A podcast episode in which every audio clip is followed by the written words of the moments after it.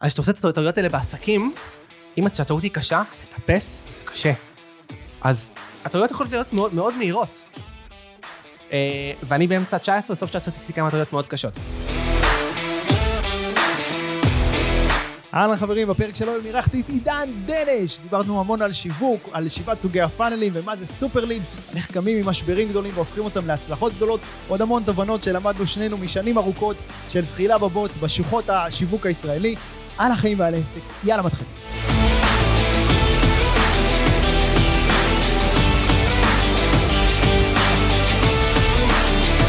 ועל ביאליק האיש והאגדה והגיטרה. כיף להכיר אותך, כיף לארח אותך פה היום. בשמחה, בכיף. תספר לנו לטובת מי שלא מכיר, הבעלים של סוכנות הפרסום D-Marketing, נכון? נכון, נכון. של- לא לא אוהב את השם הזה, אבל נכון. נתקעת איתו כי זה כבר מותג. כן, סוג של, נכון. ותספר קצת על הסוכנות, כמה צוות, מה אתם עושים היום? בכיף. אז האמת שלמדתי להסביר את זה בצורה מאוד פשוטה. החברה שלי עוזרת לעסקים להביא לקוחות, שזה מה שהם רוצים בסופו של דבר. נכון, כולם. אה, כולם. אנחנו עושים את זה בשלושה דרכים, יש לנו אה, קורסים והכשרות, יש לנו מה שאתה מכיר בתור סוכנות שאנחנו עושים בשביל, ויש לנו גם אה, תוכנית ליווי אה, חדשה מהתנור, אה, שהולכת ממש אחלה. ליווי עסקי. כן. מקסים. שהוא בפוקוס על מה שאנחנו עושים, שזה בניית משפיכים ופאנלים וכל הדברים האלה. אוקיי, יפה. והסוכנות בעצם היא- זה שירות done for you, שאתם עושים נכון. בשביל הלקוח, א' עד ת', פאנל מ- מ-0 עד לקוח משלם. לחלוטין, שירות דן פורי מאלף עד תף, הוא שירות פרימיום.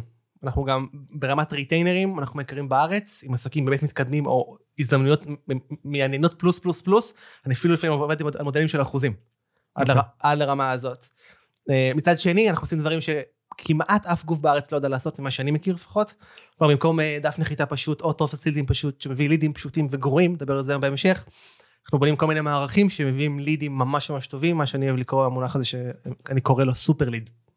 אוקיי, אנחנו נדבר על הסופר ליד הזה אין בהמשך, בעיה, מאוד מאוד אה, אה. מסקרן. ואתה באמת, הרי הרזומה שלך הולך לפניך, ואתה ניהלת השקות מאוד מאוד גדולות של אה, מיליונים, נכון? לאורך השנים. נכון. ויש לך כמה לקוחות אה, מאוד אה, מפורסמים וגדולים, נכון. ולא נתחיל פה עם יותר מדי name dropping, אבל אם תרצה אז אתה יכול אין, חופשי. אין, אין שום בעיה. סבבה. אבל כמה עובדים יש היום בסוכנות? היום, היום גייסתי עוד כמה, אז אה, עוד כמה. כן. כן, מרחיבים כל מיני אזורים. אנחנו באזור ה-10 פלוס, כזה. 10 פלוס. כן. אוקיי, סבבה. שוב גדלים בימים אלה, כן. יפה. וכמה שנים אתה מנהל את הסוכנות? אה, ממרץ 17, העסק הזה הפך להיות חברה בע"מ, אבל אני את המודעה הראשונה שלי בגוגל העליתי ב-2006. את המודעה הראש- 2006, וואו. את המודעה הראשונה רק- שזה רק התחיל, ממש. את המודעה הראשונה שלי בפייסבוק עליתי ב-2008, העסק הראשון שלי היה של מוזיקה לאירועים. זה מה מצחיק? וזה אני מספר. כשאני התחלתי גוגל ופייסבוק, ההרגשה שלי הייתה שאיחרתי את הרכבת. די, איזה הזיה. כן, כי אני הייתי בעולם של, של אירועים, פעם ניגנתי כינור, מי, ש, מי שלא יודע, רואה פעם ראשונה, הרבה שנים ניגנתי כינור, העסק הראשון שלי היה של מוזיקה לאירועים. ורציתי להביא לקוחות, כמו כל עסק קטן, נכון? התחלתי ללמוד בעצמי, נורא התאהבתי בסיפור הזה, ואני צריך לפרסם. היה לי, מההתחלה הבנתי את הקונספט הזה די מהר, שצריך לעשות שיווק כדי שיגיעו לקוחות. אז התחלתי גוגל, התחלתי פייסבוק, וראיתי מתחרים שלי כבר עושים את זה. וכשאני נכנסתי כבר, לא הייתי הראשון, הרגשתי שאיחרתי. אמרתי, בואנה, איחרתי, זה כבר לא. יעבוד, זה יסתיים. פייסבוק 2008, לפני 15 שנה. מטורף. היום בדיעבד, אומר, איזה מפגר, או איזה הזדמנות, איזה הזדמנות הייתה, אז איזה חמור הייתי, אבל... אה, כן, זהו, גם אני עוד הי- הייתי בעולם כבר כשזה היה, ובגיל מספיק אה, זה, ואתה יודע, לא ניצלתי בזמן.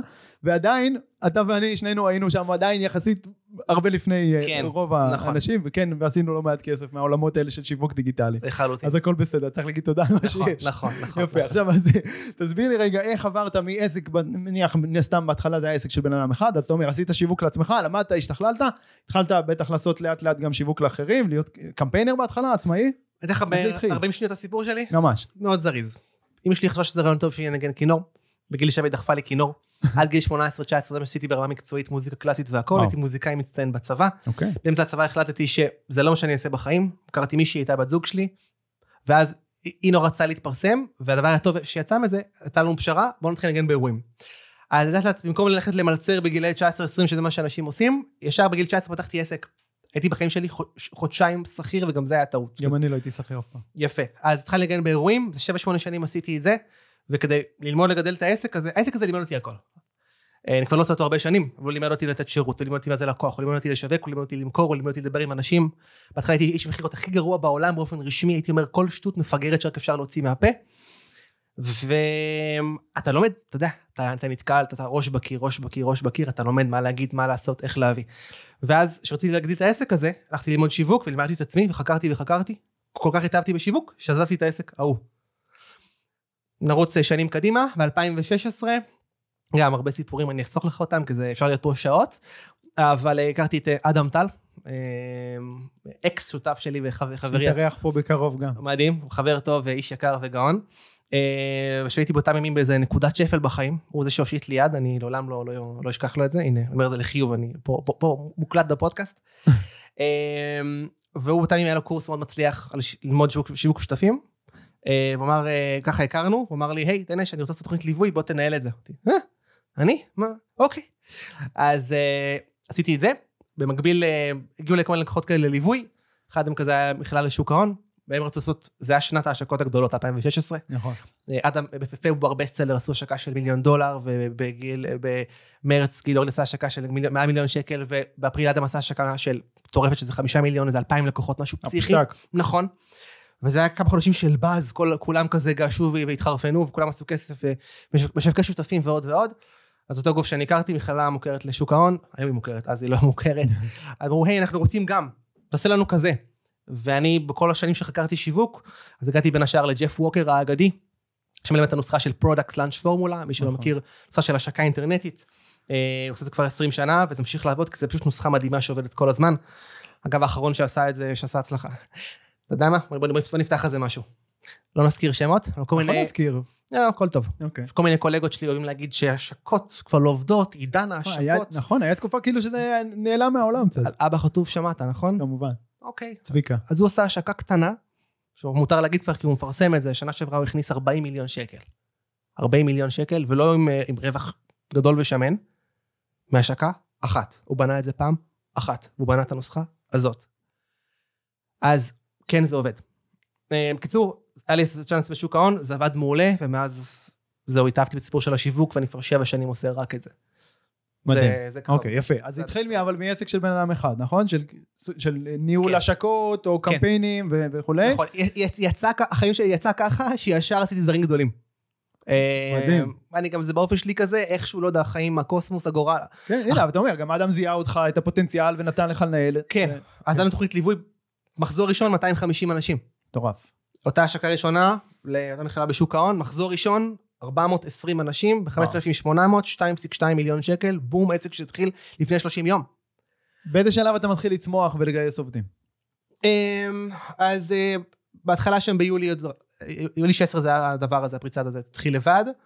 2016 עוד רצתי לבד, השנה הראשונה שהכנסתי מיליון שקל, לבד. היה נחמד וטוב. התחילו כל מיני צרות וסיפורים והרפתקאות. אה, מסוף 2017 אמרתי, בואנה, הלך לי עם השקות האלה והאלה והאלה, היה לי באותה תקופה 100% הצלחה, זה נחמד. אתה מרגיש מלך העולם, עוד לא קיבלת כאפות, באזור הזה. הם הגיעו אחר כך, לא לדאוג. אני בטוח. וב-2018 אמרתי, אז לקחתי קופירייטר, רציתי פשוט להכין, אמרתי, מה שאני עושה, אני צריך עוד, עוד ידיים עובדות, כי אני לא יכול לבד. לשכפל את עצמך, זה הדבר הראשון, כשאנחנו מתחילים לצמוח, נתחיל לשכפל את עצמנו למגוון תפקידים. נכון, אבל העסק שלי זה כתיבה, זה קופי. אמרתי, אז לקחתי מישהו מהתוכנית ליווי שלי שאהבתי, עד היום הוא איתי, שותף שלי, מדהים. סובל אותי מעל חמש שנים. מדהים. כן, אה, איש מדהים. אז אה, לקחתי אותו לכתיבה, לקחתי מישהי לניהול משרד ואדמיניסטרציה, כי כל עוד יש את המנהלות שמפריעות לך, אתה לא יכול להתקדם, פשוט בלתי אפשרי. מעולה, חשוב. היינו צוות קומנדו כזה של שלושה, התחלנו לצאת לדרך. יפה. היה צריך גם עיצוב, היה צריך, נכון? נכון, נכון, זה 2018. מאז קרו הרבה דברים, אני, יש הרבה סיפורים, אני יכול לספר לך, בשיא, בסוף 2019, תחילת 20, פסיק לפני הקורונה. רגע לפני הקורונה, הנה, כן. רגע לפני הקורונה, כן, בשיא הייתה נקודה שבחודש אחד הוצאתי מעל 60 תלושי משכורת. וואו. כן, היו לי מעל 60 עובדים. וואו, כן. אוקיי. ואז מגיעה קורונה ו... יפה. שוב, זה הרבה תתי סיפורים, צריך לראות אותם במה להתמקד, אבל בגדול, אה, ה-60 עובדים האלה קרו כי זה היה בעצם שלושה עסקים שונים בתוך חברה אחת, שנבנו במקביל, ואגב, בדיעבד זה היה טעות. כי מה, עפת קרוב מדי לשמש? צמחת מהר מדי? אני אשתף אותך שנייה בתיאוריה שלי, לגבי איך דברים צריכים להיבנות. אוקיי. אוקיי. זה גם קשור לקטע של ריבוי מקורות הכנסה, מה שאני עומד להגיד. יש את התיאוריה הזאת שאומרת, אוקיי, אתה צריך ריבוי מקורות הכנסה, ריבוי מוצרים, לעשות הרבה דברים כן. במקביל. ואחד המחלות של יזמים בעיניי, זה הדחף הזה, אני מכיר את זה, כי גם לי יש אותו, אני מניח שגם לך לפי נכון. החיוך, הדחף הזה לעשות המון דברים במקביל. אני אומר... להתפזר. נכון, האנלוגיה שאני נותן לזה, זה במקום לעבוד בשיטת הבתים הפרטיים, בוא נעבוד בשיטת הגורד שחקים. איך, יזם בונה בתים פרטיים? מתחיל לבנות 10, 15, 20 אה, בניינים, פרט- אה, בתים- פרטיים במקביל, נכון. ולפעמים חלק פושטים את הרגל, ועל כל העשרה לא גמורים עומדים חצי, עומד חצי אה, בית. איך נכון לעבוד? כשאתה עובד גורד שחקים, אתה עושה את היסודות. טוב, טוב, טוב. בונה קומה ראשונה. יציבה, סיימת הכל, עובר לקומה שנייה. יציבה, סיימת הכל, זה עובד, זה יציב, זה. בריא, קומה לקומה שלישית. כלומר, אין בעיה לבנות הרבה דברים, אבל אין טעם להתקדם לפרויקט הבא, לפני שסיימת את הפרויקט הזה, והוא דן, הוא סופי, נכון, הוא מוחלט, נכון. הוא עובד. כמה אנשים אני פוגש שמפוזרים ל-17 דברים, לא ישנים בלילה, לא זה, ומכניסים קרוב, לא, לא אפס, אבל שום דבר לא עובד. או הם בהפסד, נכון, כי הם לא בפוקוס. כי הם לא בפוקוס.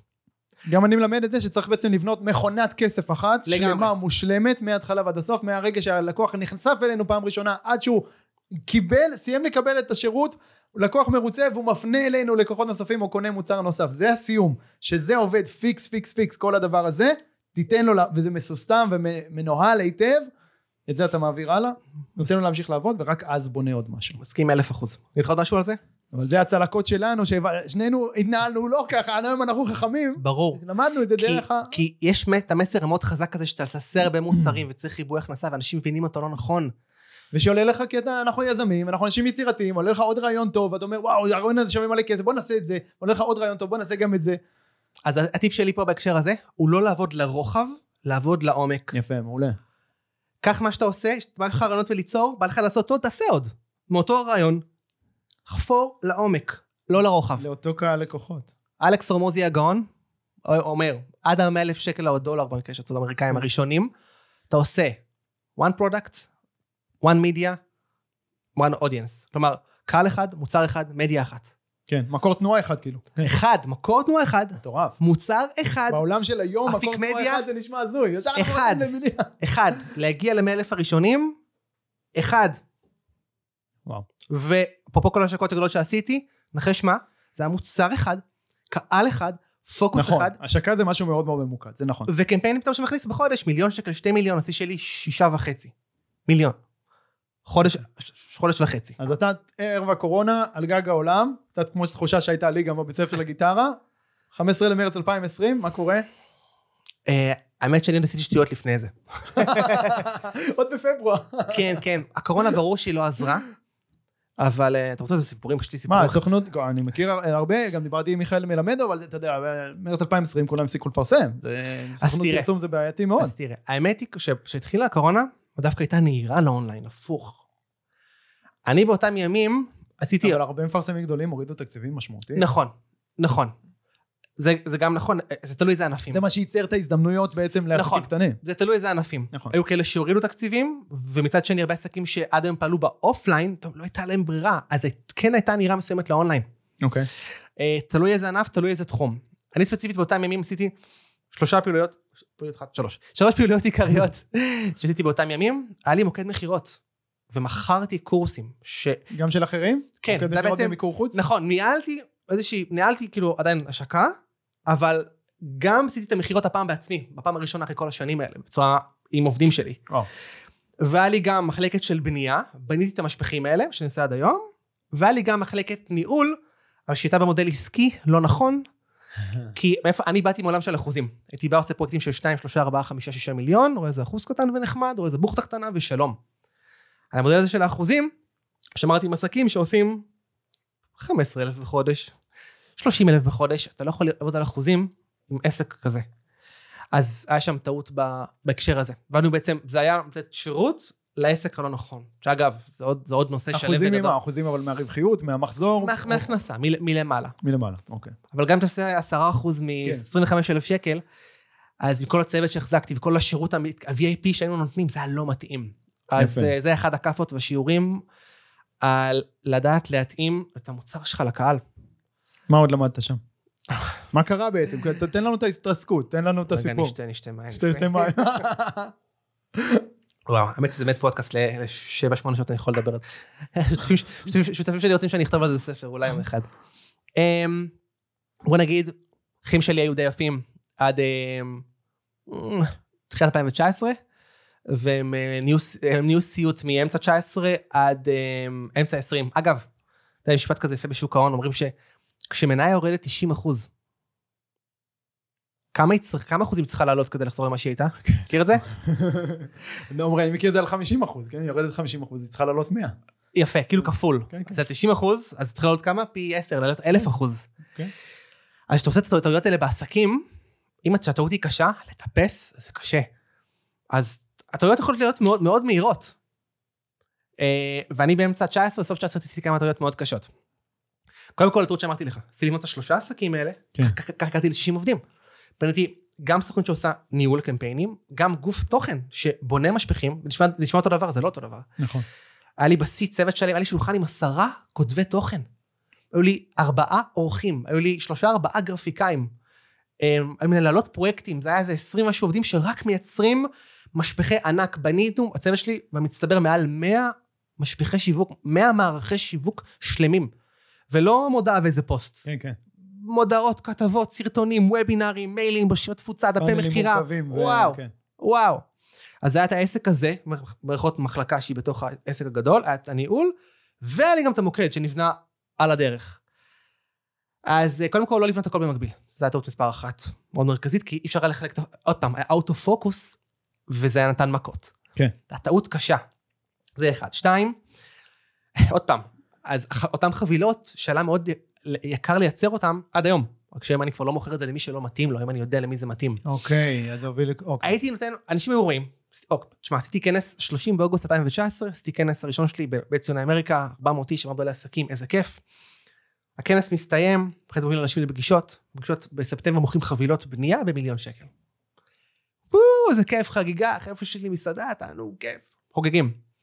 יומיים אחרי זה, אני זוכר שזה היה סופש, התחיל שבוע, ואז אני, hmm, מה עשיתי? למה? צריך לתת שירות לכל האנשים המיליון האלה. שקל האלה זה לא עכשיו קורס דיגיטלי שגר ושכח ביי. כל משפך כזה, שאגב, אני חתום, אני חייב, התחייבתי לאספקה של 60 יום, גג 90 וואו, יום, וואו, וואו. אני צריך לכתוב קופי, אני צריך גרפיקאי, אני צריך וידאו, אני צריך צריך צלם, לעשות תחקיר עוד לפני זה. אני צריך תחקור אסטרטגי, אני צריך תחקירן, אני צריך... סליחה. אני צריך מנהלת פרויקט, אני צריך צוות שלם. עכשיו, באותם ימים היה לי כבר צוות קטן, אבל היינו בנויים לעשות השקה אחת, שתיים בחודש לבנות. אני מכרתי 12-15 חבילות. מה אני עושה? אז מה עושים? מה עושים? יאללה, בוא נתחיל לגייס. אז התחלנו לגייס מאוד מהר אנשים. עכשיו, לגייס ולהכשיר ולהטמיע מישהו בעסק שלך, זה לוקח זמן, אגב. נכון. ו- התחלת לרוץ כמו סטארט-אפ. נכון, אתה חייב לגייס, נכון, לגייס, לגייס. נכון. אז עוד טעות בדיעבד מה שהייתי עושה, מה שאני גם עושה היום. כמו שאמרנו מקודם על מוצרים. אתה בונה קומה, תסיים את הקומה, תעלה הלאה, אותו דבר עם עובדים. אתה מביא עובד, תטמיע אותו בעסק, לגמרי. תבנה לו תיק הכשרה, תכשיר אותו, תטמיע אותו. נהלים מסודרים. יפה. הוא יציב, אתה סומך עליו, שגר ושכח, תביא. הוא תביא- מבין מה האחריות שלו, הוא לקח בעלות על משהו ספציפי. תביא את הבאים. בתור. יפה. אני באותם ימים, לא הייתה לי ברירה, הבאתי עשרות אנשים שאף אחד לא יודע מה הוא עושה. אני ושני השותפים שלי, אלה היו ימים, אנחנו, אנחנו יושבים, יושבים וצוחקים על זה ככה, או נזכרים, אנחנו פשוט לא מבינים איך, איך שרדנו ואיך אנחנו בחיים פיזית, ולא מתנו. כי, אני אומר לך, לא היה לנו, לא ימים, לא לילות, חרדות, כאילו, לחצים היסטריים. אוקיי. ואז מה קורה? מתחילים לא לעמוד בדדליינים? אנשים מתחילים לקבל את הכסף, לבקש כסף חזרה? לא, או אז כאלה? הצלחנו לעמוד, אבל האיכות של תוצרים נורא ירדה. בנוסף, חבילות שמכרנו, זה, זה, זה טעות על טעות על טעות על טעות. עכשיו, עסק קטן בא, אתה שעושה 20 אלף, 30 אלף, 40 אלף, קנה חבילה של 100 אלף שקל, איך הוא משלם את זה? אין לו. עכשיו. אני רציתי לסגור, עשיתי כנס, השקעתי, אני מושקע כבר, אמר לו, לסגור, אני אסגור. הוא, יכול לשלם בעשרה תשלומים. אני מספק לו ב-60 יום, בחודשיים. אז הוא נותן לי צ'ק עם עשרה תשלומים. וואו, צ'קים מתחילים לחזור. ואני, מקב... ואני בונה תוך, תוך חודשיים, אגב, חודשיים אני משלם לכל הצוות, נכון? לקופי, לוידאו, להכל. יש לי רווח קטן מהמשפך, אבל בצורה שהוא משלם לי, ברמה התזרימית, אני מתחיל להרוויח בחודש השמיני. אה, אוקיי. לא, אבל הצ'קים גם היו חוזרים, או שזה... אז ככה, אז כל ברמת תזרים, הייתי צריך לשלם לכולם, לכל העובדים עכשיו, כן. אני רווח עוד תשעה חודשים, צריך לממן את זה, בעיה מספר אחת, בעיה מספר שתיים. אותן צ'קים, אני באותם ימים הייתי, הייתי תמים עוד. וחשבתי, שמדינת ישראל, נותנים לך צ'ק, אז זה כאילו, בטוח, אני לא העליתי על דעתי שמישהו יכול לא, לא לעמוד אה, אה, בתשלום, לא לשלם, צ'ק יחזור, יצא לבטל, לא חשבתי בכלל. עכשיו, זה היה מרץ, אוקטובר 2019, מה קורה ב... סליחה, סליחה, ספטמבר, אוקטובר 2019, מה קורה במרץ 20? קורונה. קורונה. עכשיו, כשהתחילה הקורונה, הייתה מין הסכמה, אווירה כזאת של יאללה, לא משלמים. כולם, המדינה מוקפאת, מק- מקפיאים הכל. הבן אדם נכון. קיבל כבר את השירות, הוא קיבל הכל, אבל הייתה אווירה של יאללה. נשארתי בעד עם מעל חצי מיליון ש- בצ'קים. חובות. כן, ש, ש, שחזרו וכולי, אה, אנשים שביטלו לגמרי. כן. אחרי שקיבלו את כל השירות ואני שילמתי. וואו. אז uh, כמות השיעורים פה היא מטורפת. קודם כל ברמת תנאי תשלום, לא לתת אף פעם תשלום ללקוח שהוא בחוב. כסף לפני שירות. או במקביל לשירות. אפרופו תוכנית ליווי, סתם דוגמה שלי תוכנית ליווי של שישה חודשים מאוד מושקעת, אתה יכול לשלם עד שישה חודשים. לא שילמת, אין שירות. אוקיי. אז כסף לפני שירות. עובד, אחד-אחד להטמיע את הדברים האלה. אני, שמת לב, אני מדבר מהר, אני אוהב מהר, אבל יש מהר מטופש ויש מהר חכם. אני עשיתי אז מהר מטופש. היום אנחנו עושים מהר חכם. אחראי. כן, אחראי. אפשר לרוץ מהר, אבל זה עדיין צריך, יש פעולות שצריכות להיעשות. אה, אז אמרנו בפריסת תשלומים. אה, דבר נוסף, לא, היום אני יודע את זה בדיעבד, אז לא ידעתי. מכרתי חבילות לאנשים שהם נורא רצו והם חלקו להגיד לך עוד משהו. לא, אני יודע אפילו שזה לא נעשה מכוונה רעה, אבל- זה כן נעשה. אני יודע שאני יודע על כמה אנשים, שוב, בלי שמות כמובן, כן. ששילמו לי כסף, והם ידעו שהם לא יכולים לעמוד בזה. הם שילמו על בסיס לא, זה כבר נוכלות. אז לא, הונאה. לא, אני אפילו, אתה יודע מה, אני אפילו לא, מחשיב על זה כהונאה, אני אגיד לך למה, מה החישוב שהם עשו. זה החישוב שמבוסס תקווה. כן, שהם יכניסו מספיק כדי שהם יוכלו... אמרו. ככה, אני אשלם 10 בחודש, אבל האם אתה גרמת להם אה, אולי לחשוב ככה? תראה, שחלק מתהליך המכירה, שכאילו לצייר להם את העתיד הוורוד והמיליונים שייכנסו להם? אז תשמע, אני כל השנים מאוד אמיתי במה שאני אומר. אנשים לפעמים בוחרים להבין, רוצים לשמוע את מה שהם רוצים לשמוע, אבל אני מאוד אמיתי במה שאני אומר, כל השנים הייתי, היום אני הרבה יותר קשוח עם זה, אני בטוח היום אני שיש לך מפחיד את. האנשים. כן. מעבר להסכמים, תראה, כל אחד שיוצאים לקמפיין שיווקי, שיוצאים לתהליך עסקי, מה המטרה להצליח. נכון. אבל האם כל העסקים מצליחים? כי בסוף יש, כן, זה תלוי, יש יש המון גורמים שהם לא... יש לי משפט כזה נכון. שאני אוהב להגיד, אני אומר, אם כל קמפיין שיווקי היה מצליח, כולם כבר היו מיליונרים, נכון? שיווק זה משחק של ניסוי וטעייה. נכון. זה משחק של טסטים. סבלנות. אני- של טסטים. נכון. זה עוד משפט שאני אוהב להגיד. בעל עסק הוא מדען שחוקר את השיווק של העסק שלו. יפה. אתה אף פעם לא יודע מה יעבוד. ראסל ברנסון, הגאון הגדול, עד היום אומר שרוב המשפיכים שלו, רוב הפאנלים שלי בפעם הראשונה נכשלים. נכון, וזה הבן אדם מספר אחת בזה בעולם. והוא. אומר, ויש לו מבט על, הוא רואה בתוכנה שלו בקליק פאנלס, גישה למעל 100 אלף משפיכים, הוא רואה מה כולם עושים, הוא עשה את זה, עשה... החברה שלו עושה 150 מיליון דולר בשנה, והוא אומר עד היום, שרוב מה שהוא עושה נכשל בפעם הראשונה. מטורף. עסקים לא מבינים את זה. אז אני תמיד אומר את זה, ותמיד המטרה שזה יצליח, אבל אתה צריך להיות... אנחנו לא יכולים לחיות בעולם, שאם זה יצליח הכל בסדר, ואם לא, אז אני לא אשלם את ההתחייבויות שלי, זה, זה פשוט... בסדר? קרה, אני, זה נעשה מכוונות טובות, אבל אתה יודע, זה, זה, זה היסטוריה, אבל אה, בסדר. איך אתה קם ממשבר כזה? אוקיי, חטפת כאפה כאפה, גם אני חטפתי כאפה כאפה בקורונה, עם העסק של הגיטרה שהיה 100% פרונטלי ופשוט התרסק ברגע אחד ולא נשאר ממנו כלום. איך אתה קם מדבר כזה? כמה זמן לקח לך לקום? כמה זמן ריחמת על עצמך? ואיך אתה מוצא את הכוחות לקום על הרגליים ולרוץ קדימה? אז קודם כל, קשוח. ברור. קשוח. זה ממש בונה אופי. אתה יודע, מה שלא הורג אותך מחשל אותך. בימים האלה גיליתי את האופי האמיתי שלי. אתה יודע, גדלתי בתור ילד חנון עם תקעו לו כינור. וילד טוב. שני ההורים שלי שכירים עובדי מדינה, אני דרך היזמית שלי בעסקים והכל, זה הכל לבד, הכל ממה שלמדתי, הבנתי, ניסיתי. אה, ממש בנה אופי. אחד. שתיים, צוות מדהים שהיה לצידי וממש עזר לי עם הדבר הזה. גימל, ה-60 איש כבר לא היו שם. לא. לא. כמה- נשארו? גם, אתה יודע, מחלק מהסיפורים, אז צריך לפטר כמ- כמויות. במרץ, חל"תים לפחות. לא, לא, זה היה, כשהבנתי, ש- מהר מאוד הבנתי את המחלקות האלה, שהטעויות שאמרתי לך שעשיתי, כן, אז חתכת אותם. לפחות הבנתי את זה מהר. כן. אז הטעות נעשתה מהר, הבנתי את זה מהר, והייתי צריך לחתוך מחלקות שלמות. כינסתי אנשים בחדר, אה, גם מתנצל, פיטורים המוניים, כן. וואו. כן, נשמע? מצחיק, אני הייתי בחדר עם 15-20 איש, ונתתי להם נאום קטן, אמרתי, אני אוהב את כולם ואני מתנצל, אבל אנחנו לא יכולים להמשיך ביחד. וואו.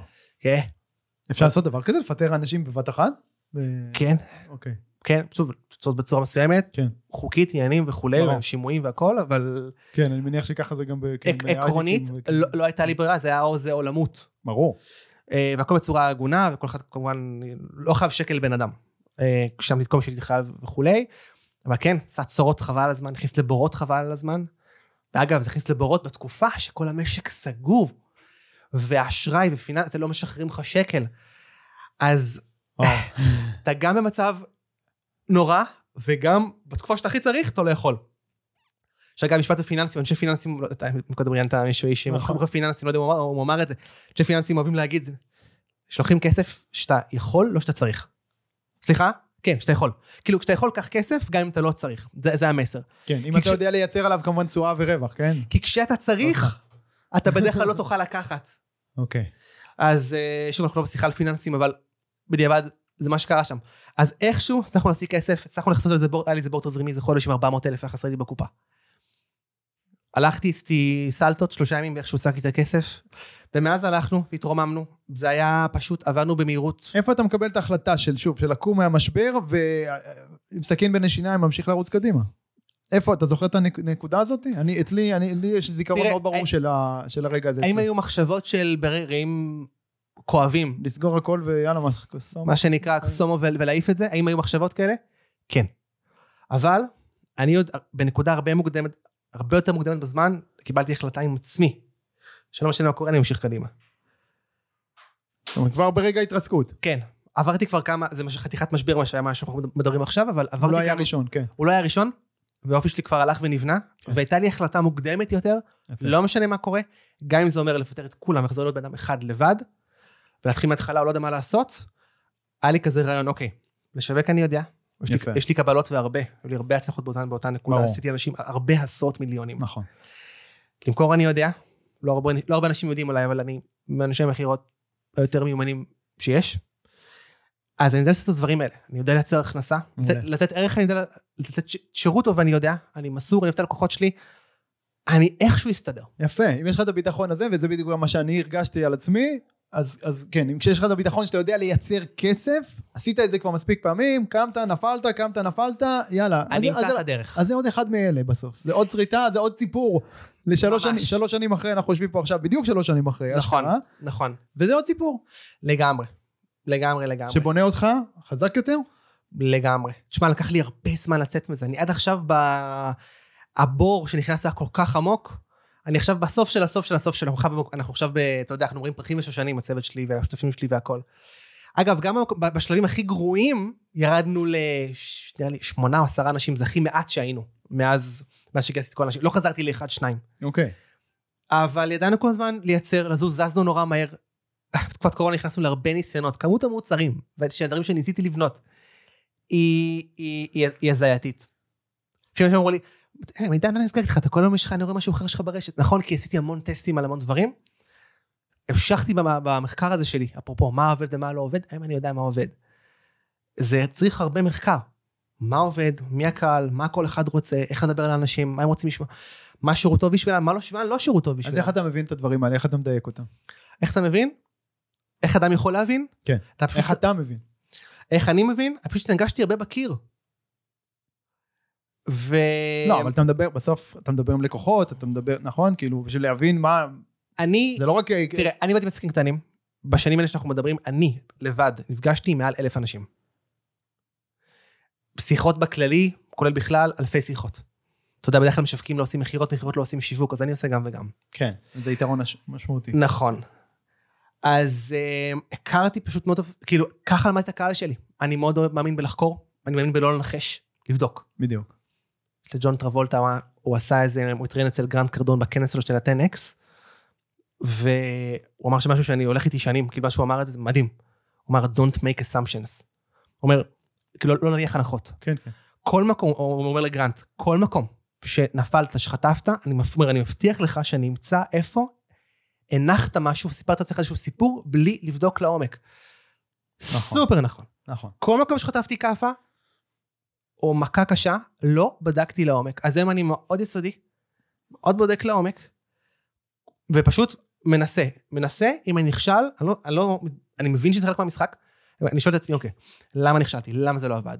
מה הם עברו? מה הם לא עברו? איפה פספסתי? זה השירות לא מתאים, זה שיווק לא מתאים, זה מכירות לא מתאימות, מה לא קורה פה? וכשאתה עושה את זה מספיק פעמים, את- אתה בסוף תנצח.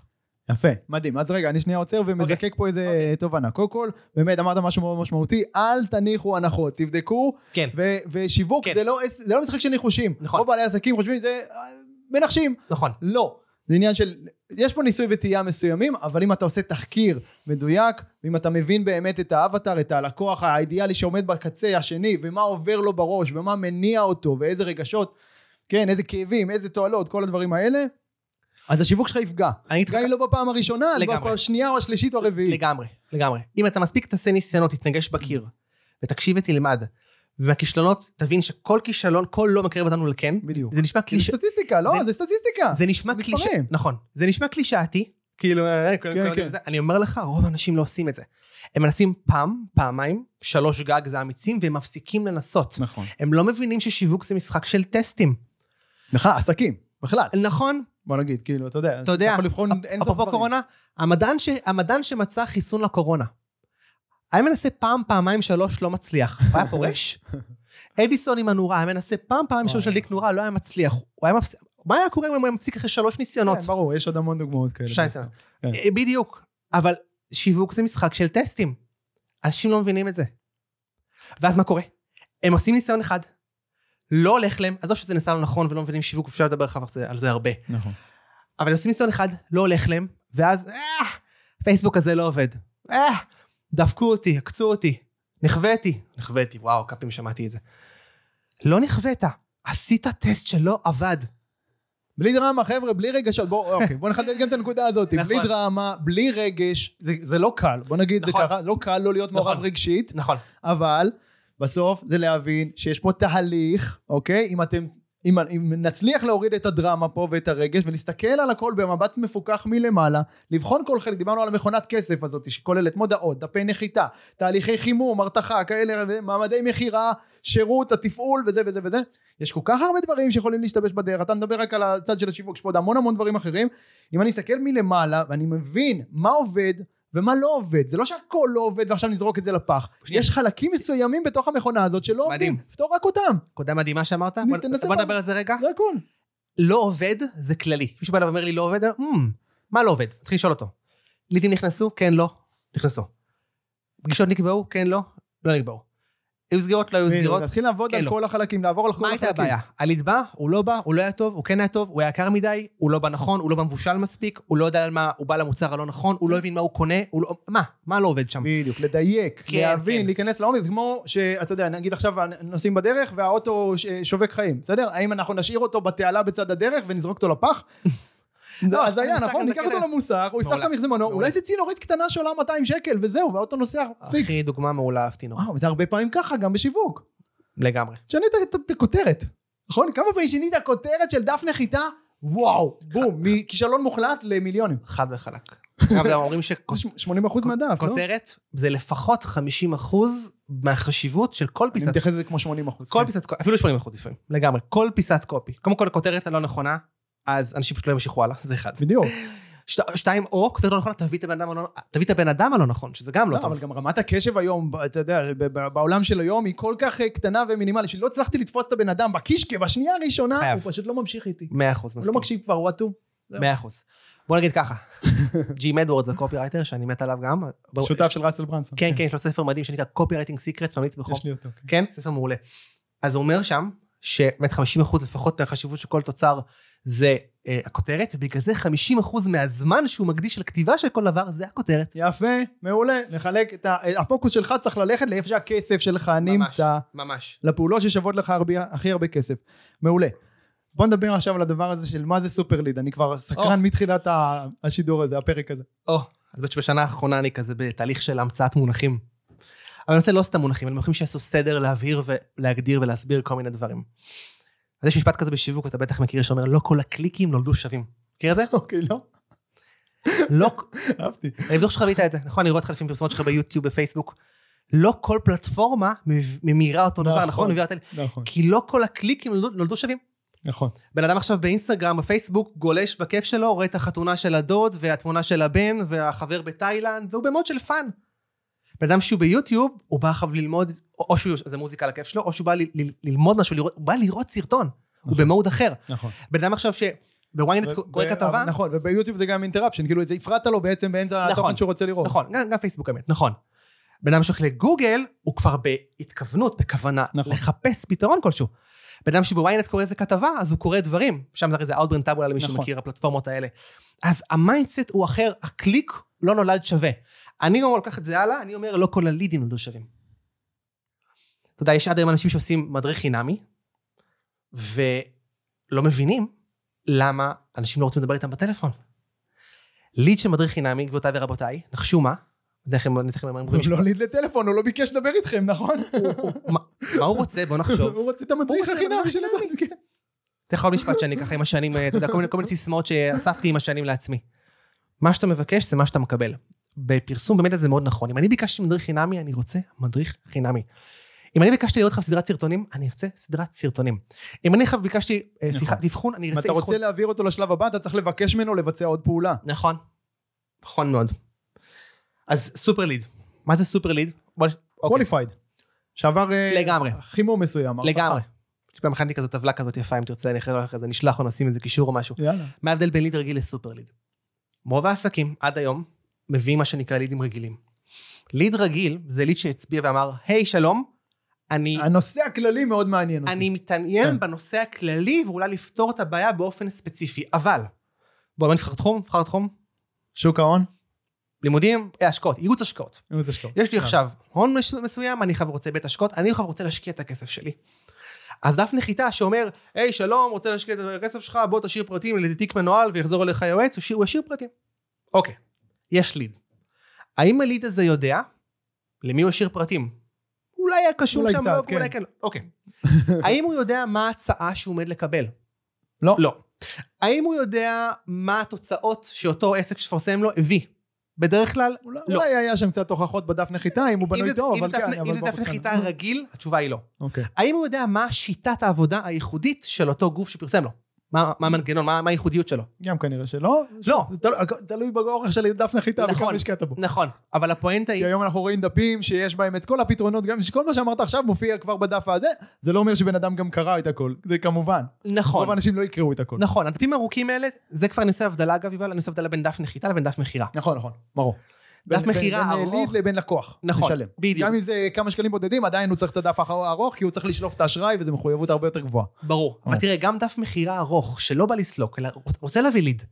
אבל אם לך מישהו עבר דף ארוך, והוא יודע מי מדובר, מה מדובר, מה הבעיה, מה השיטה, מה היתרונות, שאלות, תשובות, אחריות, עדויות, הוא יודע את כל הדברים האלה, והוא עדיין השאיר לי ליד, הוא יהיה ליד הרבה יותר טוב מאשר ליד עכשיו שראה דף נחיתה, והי שלום רוצה לך להשקיע בקרקע בכרמיאל, תשאיר פרטים ביי. אני לא יודע כלום. נכון. מי הקרקע, מה הקרקע, למה ההזדמנות הזאת, למה היא טובה, מי אתה, למה שאני אסמוך עליך, הוא לא יודע כלום. אז ליד רגיל זה ליד שלא יודע כלום, וזה בדרך כלל מה שקורה, ואז המכירה היא מאוד קשה. עכשיו, רוב אנשי המכירות בארץ הם, לצערי הרב, לא מספיק טובים. אנשים פה לא יודעים למכור. אמ, ואז מה קורה? כשהשיווק לא מספיק טוב, כל המשקל עולה למכירות. ואז קשה למכור, ואז לא מצליחים. אז מה... היה צריך לשכנע, נכון, הדבר הזה של לנסות לשכנע, לא, כאילו, בדיוק. לאנוס מישהו לקחת את הש... זה נורא. אני אתן לך דוגמה נחמדה, שמעתי לא מזמן. דוגמה נחמדה, נו. בילי ג'ין, מכיר? בילי ג'ין? כן, בילי ג'ין לטובת המאזינים, זה אחד גם המשווקים האמריקאים הכי טובים בעולם, סופרסטאר, גאון. אבל השיר של מייקל ג'קסון. כן, כמו ש... הוא עושה, כן, כן, בחור מדהים, גאון, מבריק, והוא עושה כל מיני דברים מיוחדים. אז הוא נתן איזה דוגמה שנורא אהבתי על הקשר בין שיווק ומכירות. הוא אומר שיווק ומכירות, תחשבו על גולף. בגולף, אומר לך מגרש אמיתי של גולף, הגומה מאוד רחוקה. מה המטרה של החבטה הראשונה? להתקרב כמה שיותר. להתקרב כמה שיותר. חבטת, התקרבת. מה המטרה של החבטה השנייה? עכשיו כמו לדייק. לשים כבר את הכדור בתוך הגומה, נכון? ככל שהחבטה הראשונה, יותר התקרבתי לגומה, כמה, ככה יהיה יותר קל יפה. להשחיל, נכון? ככל שהחבטה הראשונה יותר גרועה, ככה יותר קשה לחבטה השנייה.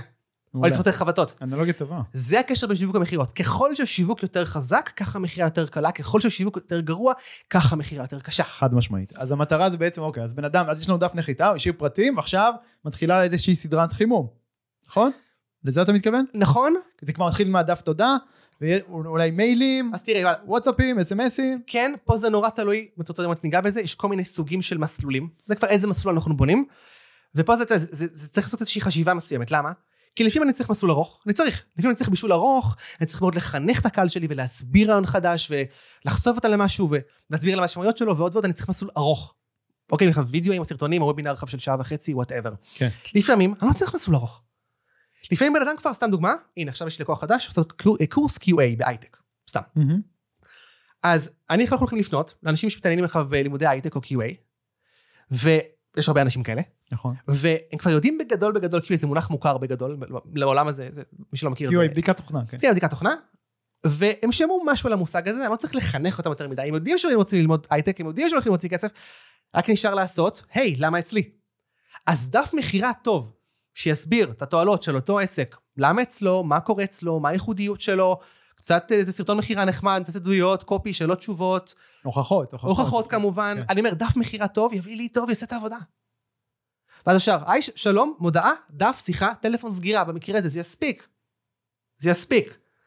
לפעמים צריך בישול הרבה יותר ארוך. תהליך קבלת ההחלטה של הלקוח הוא יותר ארוך. אז זה מה שנקרא להבין את הקהל שלך.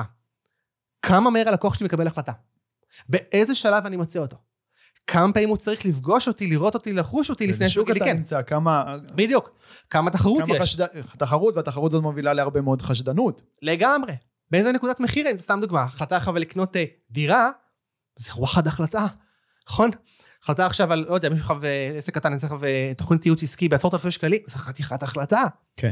יש החלטות שהן גדולות, יש החלטות שהן שהן יותר קלות, אתה צריך לדעת לחוש את הדבר הזה, ולפי זה לבחור את המסלול שעליו תלך. מעולה. עכשיו אתה מדבר על מה? מה שדיברנו, ב... אתה קורא לו שבעת סוגי הפאנלים? כן. האמת שיש יותר משבע, אבל יש שבעה עיקרים שאנחנו עושים. אז, אמרנו, סיכום, מה זה סופר ליד? זה ליד שיודע מי אתה, מה אתה ולמה אתה, והוא מכיר אותך והוא רוצה לעבוד, הוא לא סתם רוצה עכשיו ייעוץ משכנתה. הוא רוצה ממך. את גדי היועץ משכנתה, הוא רוצה את אבי היועץ משכנתה, הוא רוצה את ליאת היועץ משכנתה. בשם. זה ההבדל. ליד שרוצה אותך, ליד שרודף אחריך, שאני יודע שזה החלום של כולם, אבל אפשר לעשות את זה. אז, איך עושים את זה? בישול וסינון.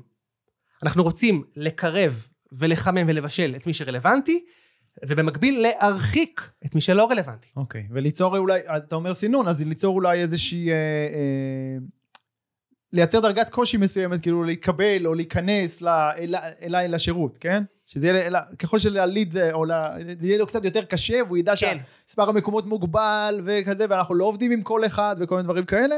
עכשיו הוא צריך לשכנע אותי במקום שאני צריך לשכנע אותו. אפשר, אפשר, אפשר ללכת, אפשר ללכת לקחת את זה למקום הזה של מה שנקרא להפוך את זה, וליצור הגבלה וסקרסיטי, ותמיד טוב, תמיד עוזר. כן. כן, זה... אבל כדי לייצר את הסופר ליד הזה, אנחנו נצטרך לייצר איזשהו מסלול, שהמסלול הזה מורכב מחלקים, והחלקים האלה יש בהם תוכן. שהתוכן הזה הוא מ- אה, מגדיל את העניין, והוא מקרב את הבן אדם, והוא גורם ללקוח הפוטנציאלי להגיד, כן, אני רוצה את זה. כן. הוא ככה מספקים לו הוכחות. לגמרי. הוכחות ועוד דברים, זה הוכחות, זה סיפור, זה בניית נכון, ערך, סיפור אישי מאוד זה, מקרב. זה בניית ערך על ההצעה, איך אני מגדיל לו את הערך, בסופו של דבר אני צריך שהוא יחשוב שההצעה שלי היא מה זה שווה, אם הוא לא עושה את זה, נכון. או מה זה פראייר. נכון. וגם הצעה ב-100 אלף שקל, אם היא מרגישה שהיא שווה מיליון, אז היא הצעה מאוד מאוד שווה. הייתי משלם עכשיו על למבורגיני 100 אלף שקל? כן, בדיוק. יפה. אז אפשר ליצור את הדבר הזה, זה התפקיד של המסלול הזה. ומפה יש כל מיני מסלולים, ולתת ערך גם, לתת, נכון? ליצור איזה goodwill. לגמרי. אבל פה כאילו, אני... עיקרון ההדדיות, אתה נותן, והוא... כן, כן, תשמע, פה אפשר לצלול להרבה דברים לאיך עושים את זה, שם נכון. באמת, זה- עולם ומלואו. נכון. אבל המ- המטרה בגדול זה לבנות את המסלול הזה. אגב, אני קורא לזה כביש. למה כביש? כי כביש לוקח אותי מנקודה א' לנקודה ב'.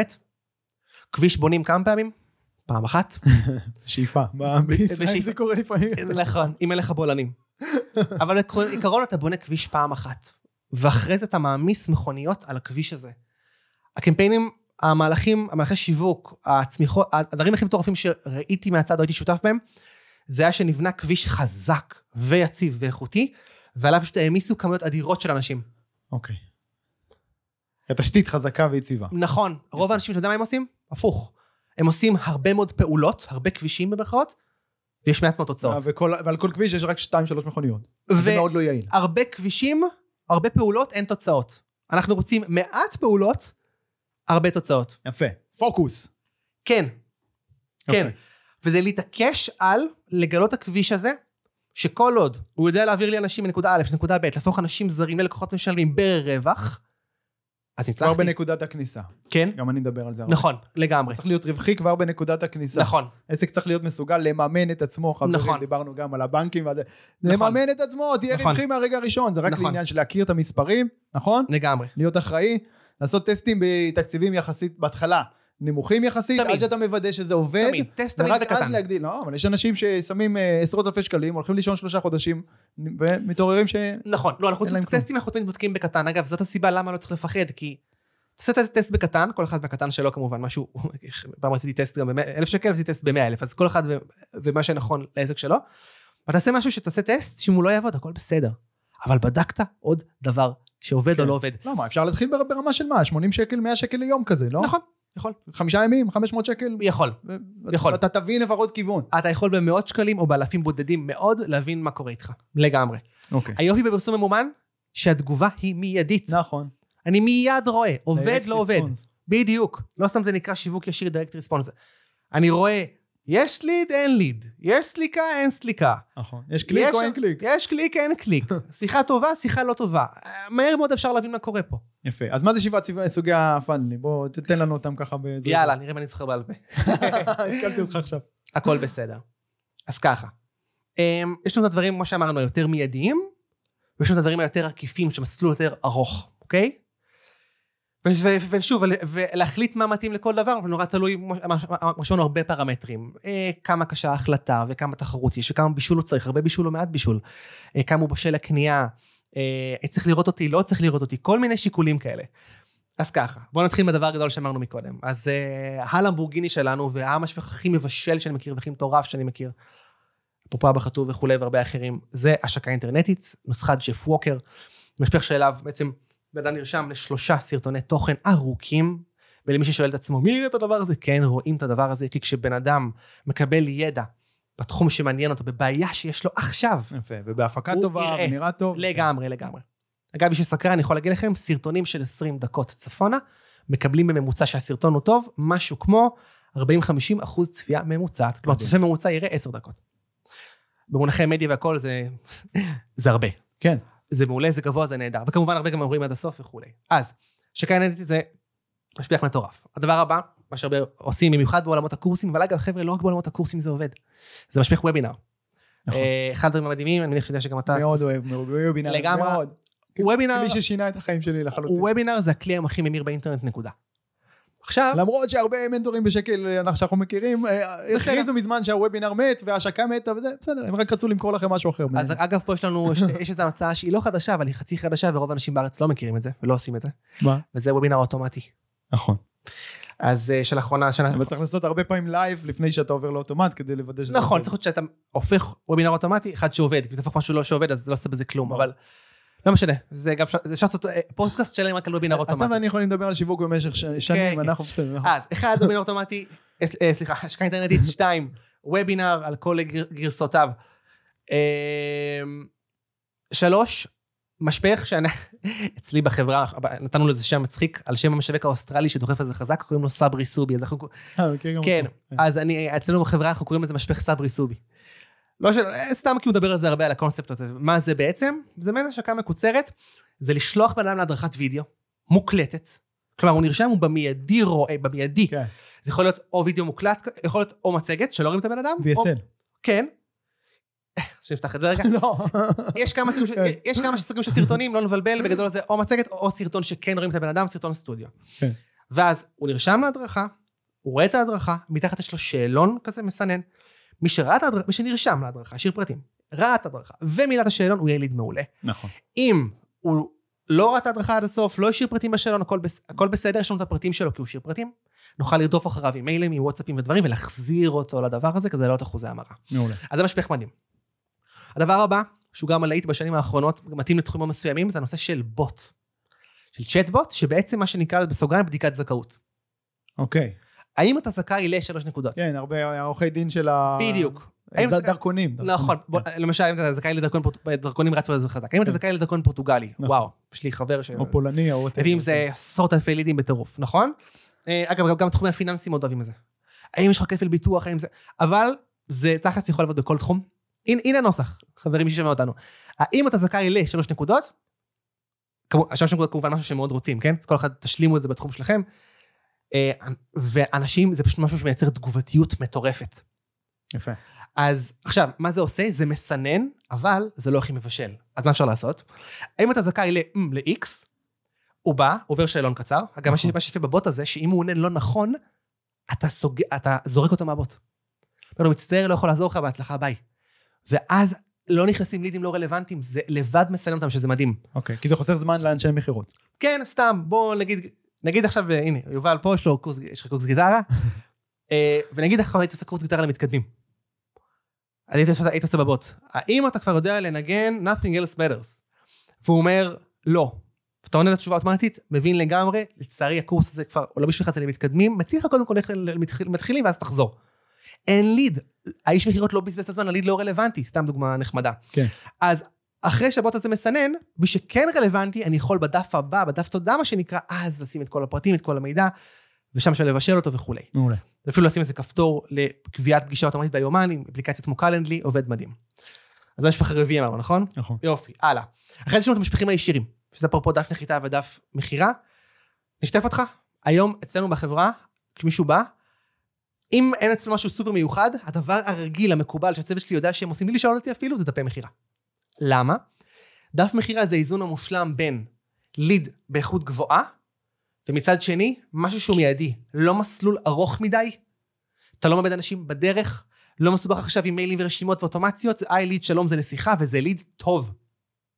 עכשיו, הניסיון שלי, שוב, יש איתנו כל מיני סוגים שונים של עסקים, וזה לגיטימי והכל בסדר, רוב העסקים יעדיפו לידים, פחות לידים, אבל לידים איכותיים שבאים לסגור וכיף לדבר איתם. ברור, כי לא מבזבזים לנו את הזמן בטלפון. נכון, נכון? אני לא מבזבז את האנרגיות שלנו. נכון. רגע, אבל כשאתה אומר דף מכירה, דף מכירה שאני מכיר זה שבן אדם סולק את עצמו.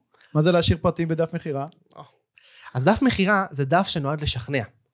עכשיו, אני יודע. שאנחנו... לא, רגע, סליחה, אתה יכול להשאיר פרטים ואז לעבור לדף סליקה בעצם, או למקום של הסליקה, אנחנו- לא סלק אז אנחנו נוכל לחזור אליו בטלפון. נכון, אז תראה? אז תראה, שנייה. אוקיי. אנחנו, אתה ואני, אנשי האונליין, ישר מקשרים דפי מכירה ליאללה סלוק. כן. בעולם הקורסים דיגיטליים והדברים האלה, הכל טוב ויפה. או בכלל, מוצרים מאוד זולים, אין בעיה. בוא נגיד דף מכירה, שוב, תלוי מה הוא עבר לפני, יש חימום, אין חימום, נכון, אבל נכון, אם זה בגדול, מוצר של אלפי שקלים, צריך- הוא צריך גם את השיחת טלפון. בדיוק, בוא נגיד הוובינר. כלל אצבע עד אלף שקל, דף סליקה יכול לסלוק לבד. אבל אם אני לי דף מכירה, בוא נפ- בוא נפתיע אותך. על שיפוצים. שיפוץ, יש לי עכשיו ברגע זה קמפיין, על שיפוצים, אוקיי. ב-150, 200 אלף, 300 אלף צפונה, שיפוץ. אוקיי. ויש שם דף מכירה, שהדף עצמו מביא לידים, פגז. מדהים. הקבלן שיפוצים שאני עובד איתו, עף על הלידים. משפיע לך את ההודעות שהוא שולח לנו. אז דף מכירה זה כלי מעולה להביא גם לידים איכותיים, לא רק לסליקות. יופי. מה עוד יש לנו שם ברשימה? אז עברנו על הרוב, לך שניים. עברנו, נכון, יש כאלה של אתגר, כל אה, הנושא נכון. של אתגר רשת וכולי, כן. שבתכלס אתגר זה איזשהו מבוא לוובינר, כי וובינר הוא עדיין, בסוף נכון, אתגר, בסוף האתגר יהיה וובינר. נכון, בסוף אתגר אנחנו שמים וובינר, גם בסוף ההשקה יהיה וובינר. נכון, מאוד דומה. יפה אמרת. אז אתגר זה עוד כלי כזה שיוצר עם אינטראקציה וכל מה שאני אוהב באתגרים שבן אדם עושה, הוא עושה משהו. אז אה, ובסוף אחרי לוובינר וכולי, אז זה עוד איזה מסלול כזה או אחר. כנס פיזי, שגם זה בסוף די דומה לוובינר, פשוט חי. נכון, כנס וובינר מאוד- מאוד דומה, פשוט במקום אונליין, פיזי. ומרגיש ששכחתי אחד, אבל אם אני זוכר עוד מעט אני אגיד לך, ואם לא אני... זה היה פאנל עד הקורונה, לא, גם, גם תוך כדי הקורונה רצנו איתו עוד שנה. פאנל שבמשך קרוב לארבע שנים הכניס לי... אה, נזכרתי. כתבה- כתבה שיווקית. אוקיי, אוקיי, כן, הנייטיב. בדיוק. אבל, Outbrain טאבולה. רגע, פה אני אפתיע אותך? נו. אתה יודע, אני שובר לך כל מיני מיתוסים. אנשים נורא מקשרים כתבות לאוטברן טאבולה. עכשיו, זה נכון, באוטברן טאבולה יש כתבות. אבל לא, זה הגוף, ש- זה הפלטפורמה שדרכה אתה מקדם את הכתבה שלך. וואלה, רוב הכתבות שאנחנו מריצים היום הם בפייסבוק. אוקיי. פייסבוק ויוטיוב לא, ממומן, כמובן, כן, אתה יכול גם. לכתבה עובד מדהים. פייסבוק ממומן ואינסטגרם, לתוך כתבה, כלי בישול מדהים. אגב, כתבה בכלל זה כלי מדהים, לא, למה? זה רק עניין של אה, עכשיו, אם הלידים יותר זולים מפייסבוק או מאוטבריין. אתה מכניס את אה, אותה כתבה ואתה רואה, תראה. השאלה ש... יצא לי לעשות את זה. לגמרי, לגמרי. תראה, זה כבר, זה שוב שיחה אחרת על הפלטפורמות, לאיפה אני צריך להיות. הכנתי כתבה, כתבה טובה. עכשיו אני רוצה להביא את הקהל שלי הנכון, נכון? כן.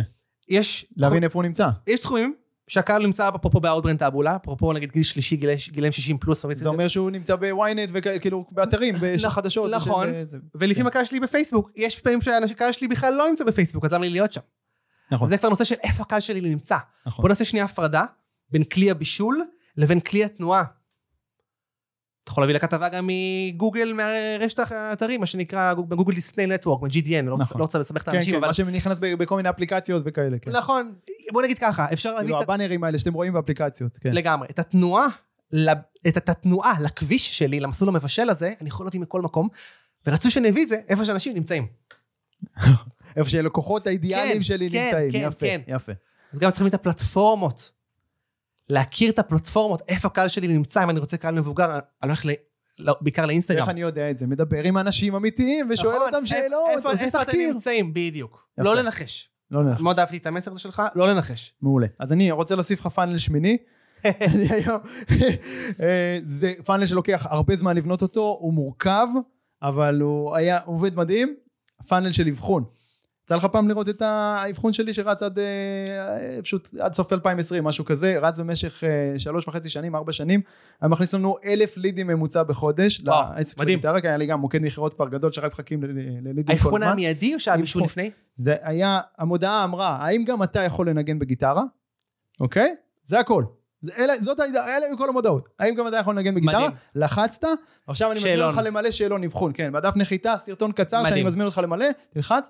פגז. שאלות מאוד מאוד קצרות, מאוד מאוד פשוטות. זה של פגז. אה, ריין לבק, הוא גם אחד מהחבר'ה של אה, כן, ג'ף כן, ווקר, כן, מכיר לגמרי. אותו? אז אה, זה לגמרי. מדהים, זה מביא לך לידים רותחים, חמים, בכמויות, זה זה כמו ברז. כמו, בסך, בסופו של דבר, רגע, חבר'ה, כולם צריכים להבין את זה. פאנל טוב, משפיך שיווקי טוב, כן. ברגע שהוא עובד, זה ברז. נכון, אתה יכול לפתוח ולסגור אותו לפי דרישה. אמת. עוד- רוצה עוד לידים? מגדיל. ממש. פחות לידים? מורידים. איש. מכירות התפטר, עזב, בסדר, אז סוגרים טיפה. הוספתם עוד? מגדילים. וזה מדהים. בול. ברגע שיש לך את הדבר הזה, זה בול. כלי אדיר. עכשיו אתה רק קם בבוקר, אה, כמה זה- כסף אני רוצה להכניס לחודש? זה בר מה שכפול. הקפסיטי? כמה ממש. שירות אני יכול לתת, להכיל? כמה לקוחות? יאללה, בוא נעשה את זה. מסכים אלף אחוז. אפשר לצמוח בלי מגבלות. כמעט. יש לך, השוק בסוף יגיד לך איפה אתה עוצר. הנקודת ההצלחה או כישלון של עסק, לדעתי היום, זה כמה טוב מה שאמרת עכשיו. יש לך מכונת כסף, ניצחת ואתה תגדל. אין לך מכונת כסף, אתה תתקשה לנצח. אתה תסבול, ואתה תקלל, ואתה תשנא, ואתה תאשים את כולם. אז כל עסק צריך לשים לעצמו מטרה עליונה. זה לא משהו צידי, לא קודם מיתוג, לא קודם תוכניות עסקות- אה, עסקיות, אנשים הולכים לשים לוגו לפני שיש להם פאנל שעובד, זה הזיה. כי הם פשוט לא יודעים מה הדבר שהביא את הלקוחות.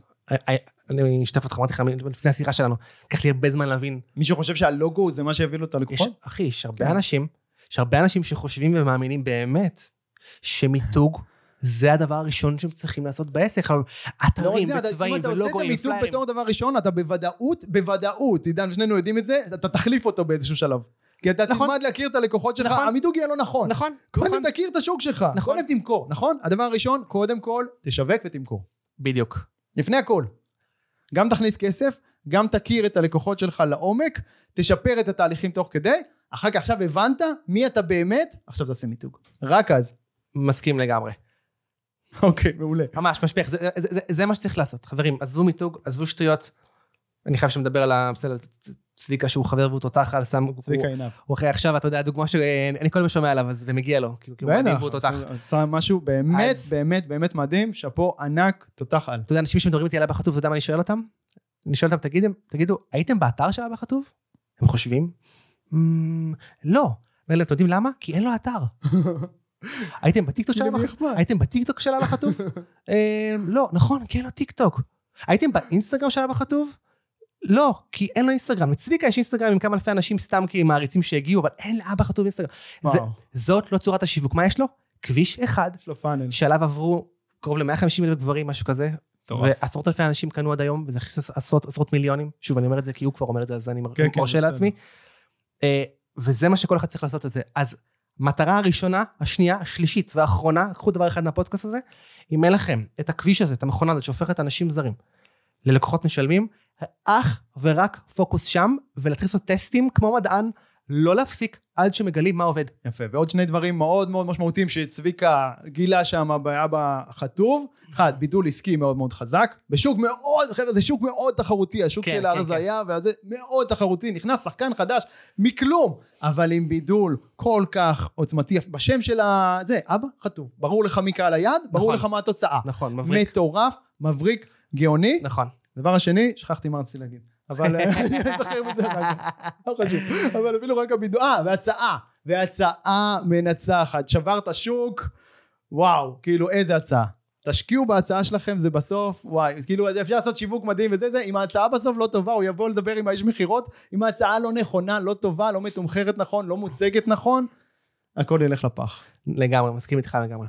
יפה. עכשיו, בואו נס, נ, נסיים עם הנושא של הפודקאסט, שלא דיברנו עליו עד עכשיו. אה, וואו, אוקיי. וזה איך משלבים עסק מצליח, אוקיי? ואתה באמת מצליח בשוק כבר הרבה מאוד שנים, עם חיים אישיים, נוחים, שלווים, רגועים, נעימים. איך עושים את זה? שאלה אתה טובה. מגדיר את החיים שלך בתור אה, שלווים, נוחים, תראה, נעימים אז אם? אני, אתה יודע, כל- כל אחד מאיתנו, רגועים, אתה יודע. כל אחד מאיתנו יש לו, א', את האופי שלו, איך שהוא אוהב את זה. אני למשל סתם, אני אדם מאוד של אקשן. אני אוהב אקשן. אני זז מהר, מדבר מהר, אוהב אקשן. כן. עשיתי הרבה הצלחות מהירות, כישלונות מהירים, זה, זה הקטע שלי. לא כל אחד ככה וזה בסדר. וכמה שעות אתה רוצה לעבוד, כל אחד צריך לחשוב איך הוא רוצה שהחיים שלו ייראו. אשתי למזלי, משוגעת כמוני. והיא מדהימה, היא חבל על הזמן, אבל היא, יש לה את הסריטה הזאת כמוני גם. היא כירורגית, היא רופאה. לא יודע אוקיי. אם אתה יודע מה זה אומר, אבל זה 7-8 תורנויות, מתמחה, 7-8 תורניות בחודש, שליש, שליש חודש, היא גרה בבית חולים. שליש חודש לא- היא לא בבית, ובזמן הפנוי שאין לה, היא מתפעלת עמוד אינסטגרם על תזונה גם. אז היא, אנחנו, אנחנו עושים אותו ז'אנר, אז אנחנו שנינו אוהבים לעבוד המון, אבל עוד פעם, זה אנחנו, זה לא חייב להיות ככה, אז... ואנחנו אבל כי אתם נהנים. מאוד מהעבודה שלכם גם. נכון, אנחנו... אנחנו זה לא צריך לנצל על זה, זה בסדר. לא, לא לגמרי, אני אומר, אנחנו, אנחנו באותו, באותו הראש, הייתי אומר, קודם כל, לבדוק שאתה והבת זוג שלך באותו הראש. כמה עסקים יזמים עצמאיים אני רואה, שהבני זוג לא באותו ראש. לא, אבל לא בהכרח. אצלי, אני ואשתי דווקא הפוכים בדברים האלה, אבל זה נהדר כי אנחנו משלימים אחד את השני. אין בעיה, אבל אם- אתם מתואמים, יש הסכמה כן. על מתי עובדים ואיך עובדים, ומי מטפל בילדים ואיך ומתי, זה הכל בסדר. אני מדבר איתך על כשאין תיאום בסיסי בין בני זוג, מי מוציא את הילד מהגן? כן. שוב, עוד אין לי ילדים וזה, אבל אה, אני אומר לך, אני לא אתן לך דברים, ש- מקרים שאני רואה. אם אין תיאום בבית מה קורה, סיכויי הצלחה בעסק שואפים לאפס. נכון, כי אתה בעסק עם אה, רגשות אשמה על מה שהשארת בבית. או שאתה אתה בא אליו עם מט- מטענים רגשיים לא טובים. או שאתה מוטרד כל היום להצליח. ואתה לא יכול להתרכז במה שחשוב. אז זה דבר אחד. איך בונים את הדברים, איך בונים את השילוב בין עסק לבית? אז הייתי אומר ככה. הייתי אומר, קודם כל אי אפשר לבד. מי שעדיין פה פועל לבד חייב להבין, אתה לא, גרנט אוהב להגיד, אתה לא יכול להיות גם האסיר, גם הסוהר, גם מנהל בית הכלא, אתה, אתה לא יכול לעשות הכל לבד, זה בלתי אפשרי. עסק זה לא רק לתת שירות ולעשות מה שאתה אוהב, למרות, למרות שזה נשמע ממש כיף, נשמע, נשמע סיסמה מאוד כיפית, אני יש יודע. הר- יש הרבה שיט גם, יש הרבה פעולות. הרבה כן. אוהבים לדחוף את המסר, סליחה, המפגר הזה, וזה מרגיז אותי נורא, אבל גם זה לפודקאסט אחר, אבל בגדול, עד היום שתזכה לעשות את מה שאתה אוהב הוא יום רחוק, ובדרך לעשות הרבה דברים שאתה לא אוהב. אז יפה, שזה לשווק ולמכור ולהתלכלך, אין מה נכון. לעשות, כאילו, כן, נכון. לא להתייפייף ולשבת ולחכות שאנשים יבואו לקנות. יפה, אז להבין שאתה לא יכול לבד. ולת... אוקיי, אחד, לדעת להתחיל... לקבל עזרה. יפה, לגמרי. אחד, להתחיל להתמקד בשיווק ומכירות ולהגדיל הכנסה. אחד. שתיים, להבין שאתה לא יכול לבד, להתחיל להביא אנשים שיחליפו אותך. שלוש, לבנות להם מנגנונים, מערכי הכשרה וכולי, שבאמת יתפקדו בלעדיך. יפה, עם נקודות שליטה ובקרה, יפה. ושהדברים יתנהלו כמו שצריך. ארבע, כן. מה שאתה מוכר, לבנות מודל, זה, זה, גם, זה עוד, עוד פודקאסט אחר, אבל לבנות מודל עסקי שהוא scalable-י, יפה. ושהוא לא תלוי בזמן שלך, אלא אם כן, מה שאתם עושים, משווק חייכם, מצאו את הזמן שלכם ואין מה לעשות, אני מבין, מבין, יש, יש כאלה תחומים ומקצועות, אבל לבנות את המערכת ככה שהיא לא תלויה בך, ואז היא תהיה ברת שכפול. בדיוק, ואז, ואז, כן, scalable-י זה ניתן לצמיחה בלתי מוגבלת, אבל- אוקיי? אבל- כמו העסק נניח של הגיטרה, אז כן, זה, זה אני. לא מלמד אף אחד גיטרה כבר המון המון יפה. שנים. העסק הזה יפה. רץ ומתקדם. אז עולמות של למשל ידע באונליין, מוצרים דיגיטליים וכל העולמות האלה, למשל זה גם. היה פרונטלי. זה היה- גם כשזה היה פרונטלי, גם כשזה היה 100% פרונטלי, היו לי מורים בכל הסניפים, בכל רחבי נכון. הארץ, אני לא הייתי צריך להיות שם פיזית, נכון. העסק היה scalable-י. נכון. אז אתה יודע, אם מראש בונים בניין שהוא תשתיות עקומות, אז יצא לנו פיזה, יצא לנו בניין עקום. לבנות מראש משהו שיום אחד, אחרי שנעבוד קשה והרבה, נוכל לבנות מערכת שהיא עובדת בלעדינו, היא לא תלויה בנו, אנשים יכולים לתפעל אותה, נכון. יש מספיק רווח, מספיק שומן, מספיק ביטחון, ואז... ואגב, זה לא חייב לקחת כל כך הרבה זמן. לא, זה עניין של להיות ממוקד, נכון? לקבל עזרה, ממישהו שכבר מסכים. עבר את הדרך הזאת לפניך והשיג את. התוצאות שאתה רוצה מסכים. להשיג. זהו. היתרון הכי גדול במישהו כמוך, שעבר הרבה דברים בחיים, או כל מי שעבר עבר ויש לו ניסיון וכולי, זה שפשוט אפשר לקצר את הדרך מעכשיו שלוש-ארבע שנים לשלושה-ארבעה חודשים. זה פשוט לקצר זמן. אתה יודע, אנשים שעובדים איתי, אני אומר להם, תקשיבו, יש יתרון אחד בלעבוד איתי. אחד. אני יכול לקצר לכם משנים לחודשים. זה לא שיש לי את כל התשובות, זה לא שלא יהיו לכם טעויות, זה לא שלא תיכשלו, אתם תיכשלו והרבה. אני פשוט, הצוות שלי ואני נוכל לכוון אתכם, ולחסוך לכם במקום עכשיו חמש שנים ניסוי וטעייה, אפשר לעשות את זה חמישה חודשים. כי אתם כבר ספגתם את החמש שנים נכון. האלה בשבילם. נכון. נכון. שאתם עכשיו תדרכו על מוקש, על אני אגיד לכם- חשבונך. נכון. אמיתי. אני אגיד לכם, חבר'ה, עזבו, אה, מוקש. דרכתי עליו. אל תדרכ- למה שתדרכו עליו עוד פעם? למה? זה היתרון הגדול. בללכת עם מישהו שכבר עשה את הדברים האלה לפניך. מעולה, מעולה. יש מקומות, ובזה אנחנו נסכם, יש מקומות שבהם אתה מרגיש או הרגשת שהעסק פוגע לך בחיים האישיים שלך? בטח. זה לא רק הזוגיות, זה גם הזמן שלך עם עצמך, אחי. המשפחה וזה. בוא, אתמול ראיתי פוסט מדהים של שרה בלייקלי, הבעלים של ספנקס, מי שבטח כולכם לא מכירים, ספנקס. זה חברה בתחום האופנה, הלבשה תחתונה, נשים ועניינים, זה מותג של שווה מיליארד דולר. וואו. היא מספרת, היא כותבת שם, כל העם מדבר בכמה זה כיף, ועסק, וזה מה שאתה אוהב, ושליחות. היא מספרת שבעשר שנים הראשונות לפעילות שלה, לא היו לה חברים. היו לה חברים. היא לא יצאה, היא לא דיברה עם אף אחד. הקרבה פסיכית. זה היה בודד, זה היה קשה. והמסע בהתחלה, די, נמאס לי עם כל הבולשיט שאנשים מוכרים, באמת, זה פשוט כזה בולשיט. בהתחלה זה קשה, בהתחלה אין איזון. אתה מקריב בהתחלה כדי שיום אחד תוכל לקצור את הפירות. יום אחד יהיה איזון. כשאתה בונה משהו בהתחלה והוא לא בנוי, אין מה לעשות. נכון. בגלל במיוחד שאתה one man show. אתה גם המשווק, ואתה גם האיש מכירות, ואתה גם נותן את השירות, וגם שירות לקוחות, ואתה גם מוציא חשבוניות, וגם... עם הזמן, שזה ילך ויגדל, אפשר להתחיל לקחת עזרה, ולהתחיל להוריד מאיתנו דברים, ועוד ועוד, וללכת לגדול, ולאט לאט זה ילך ויהיה יותר קל. אבל ההתחלה היא קשה, ומי שלא מבין את זה ומוכן את זה, יש לו בעיה. נכון, אבל אם אתה מאמין בעצמך, מאמין במוצר שלך, בשירות שלך, אוקיי? ואתה all in, ואתה הולך דוך, ואתה, שוב, גם יודע לקבל עזרה כשצריך, זה יקרה. לגמרי. לא לעצור, להתמיד, אני חוזר למה שדיברנו לגמרי. לגמרי. אתה יודע, אני אחליט מתי. אתה מחליט, הכל טוב, הכל טוב, הכל טוב.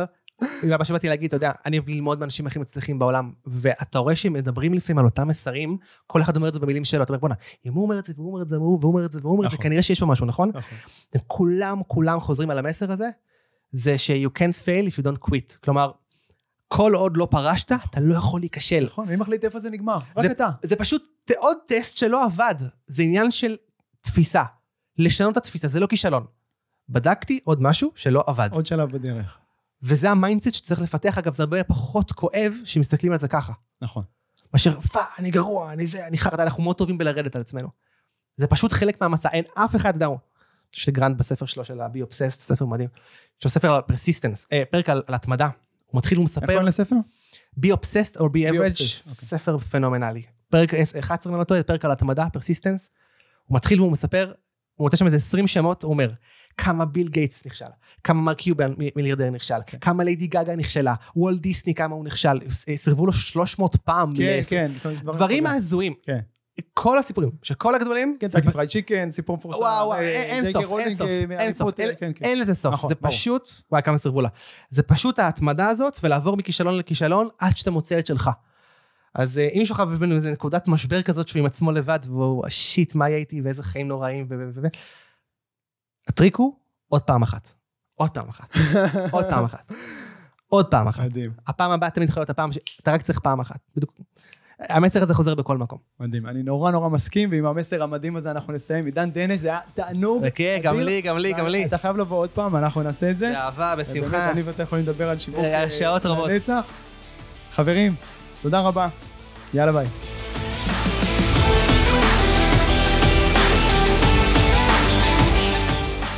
אוקיי חברים, מקווה שנהניתם מהפרק וקיבלתם ערך. אם קיבלתם ערך, לא לשכוח לדרג את הפודקאסט הזה בחמישה כוכבים בפלטפורמה שבה אתם מאזינים כרגע. לעוד טיפים אישיים ממני והצצות לחיים האישיים שלי, תעקבו באינסטגרם יובל ביאליק, ונתראה בפרק הבא.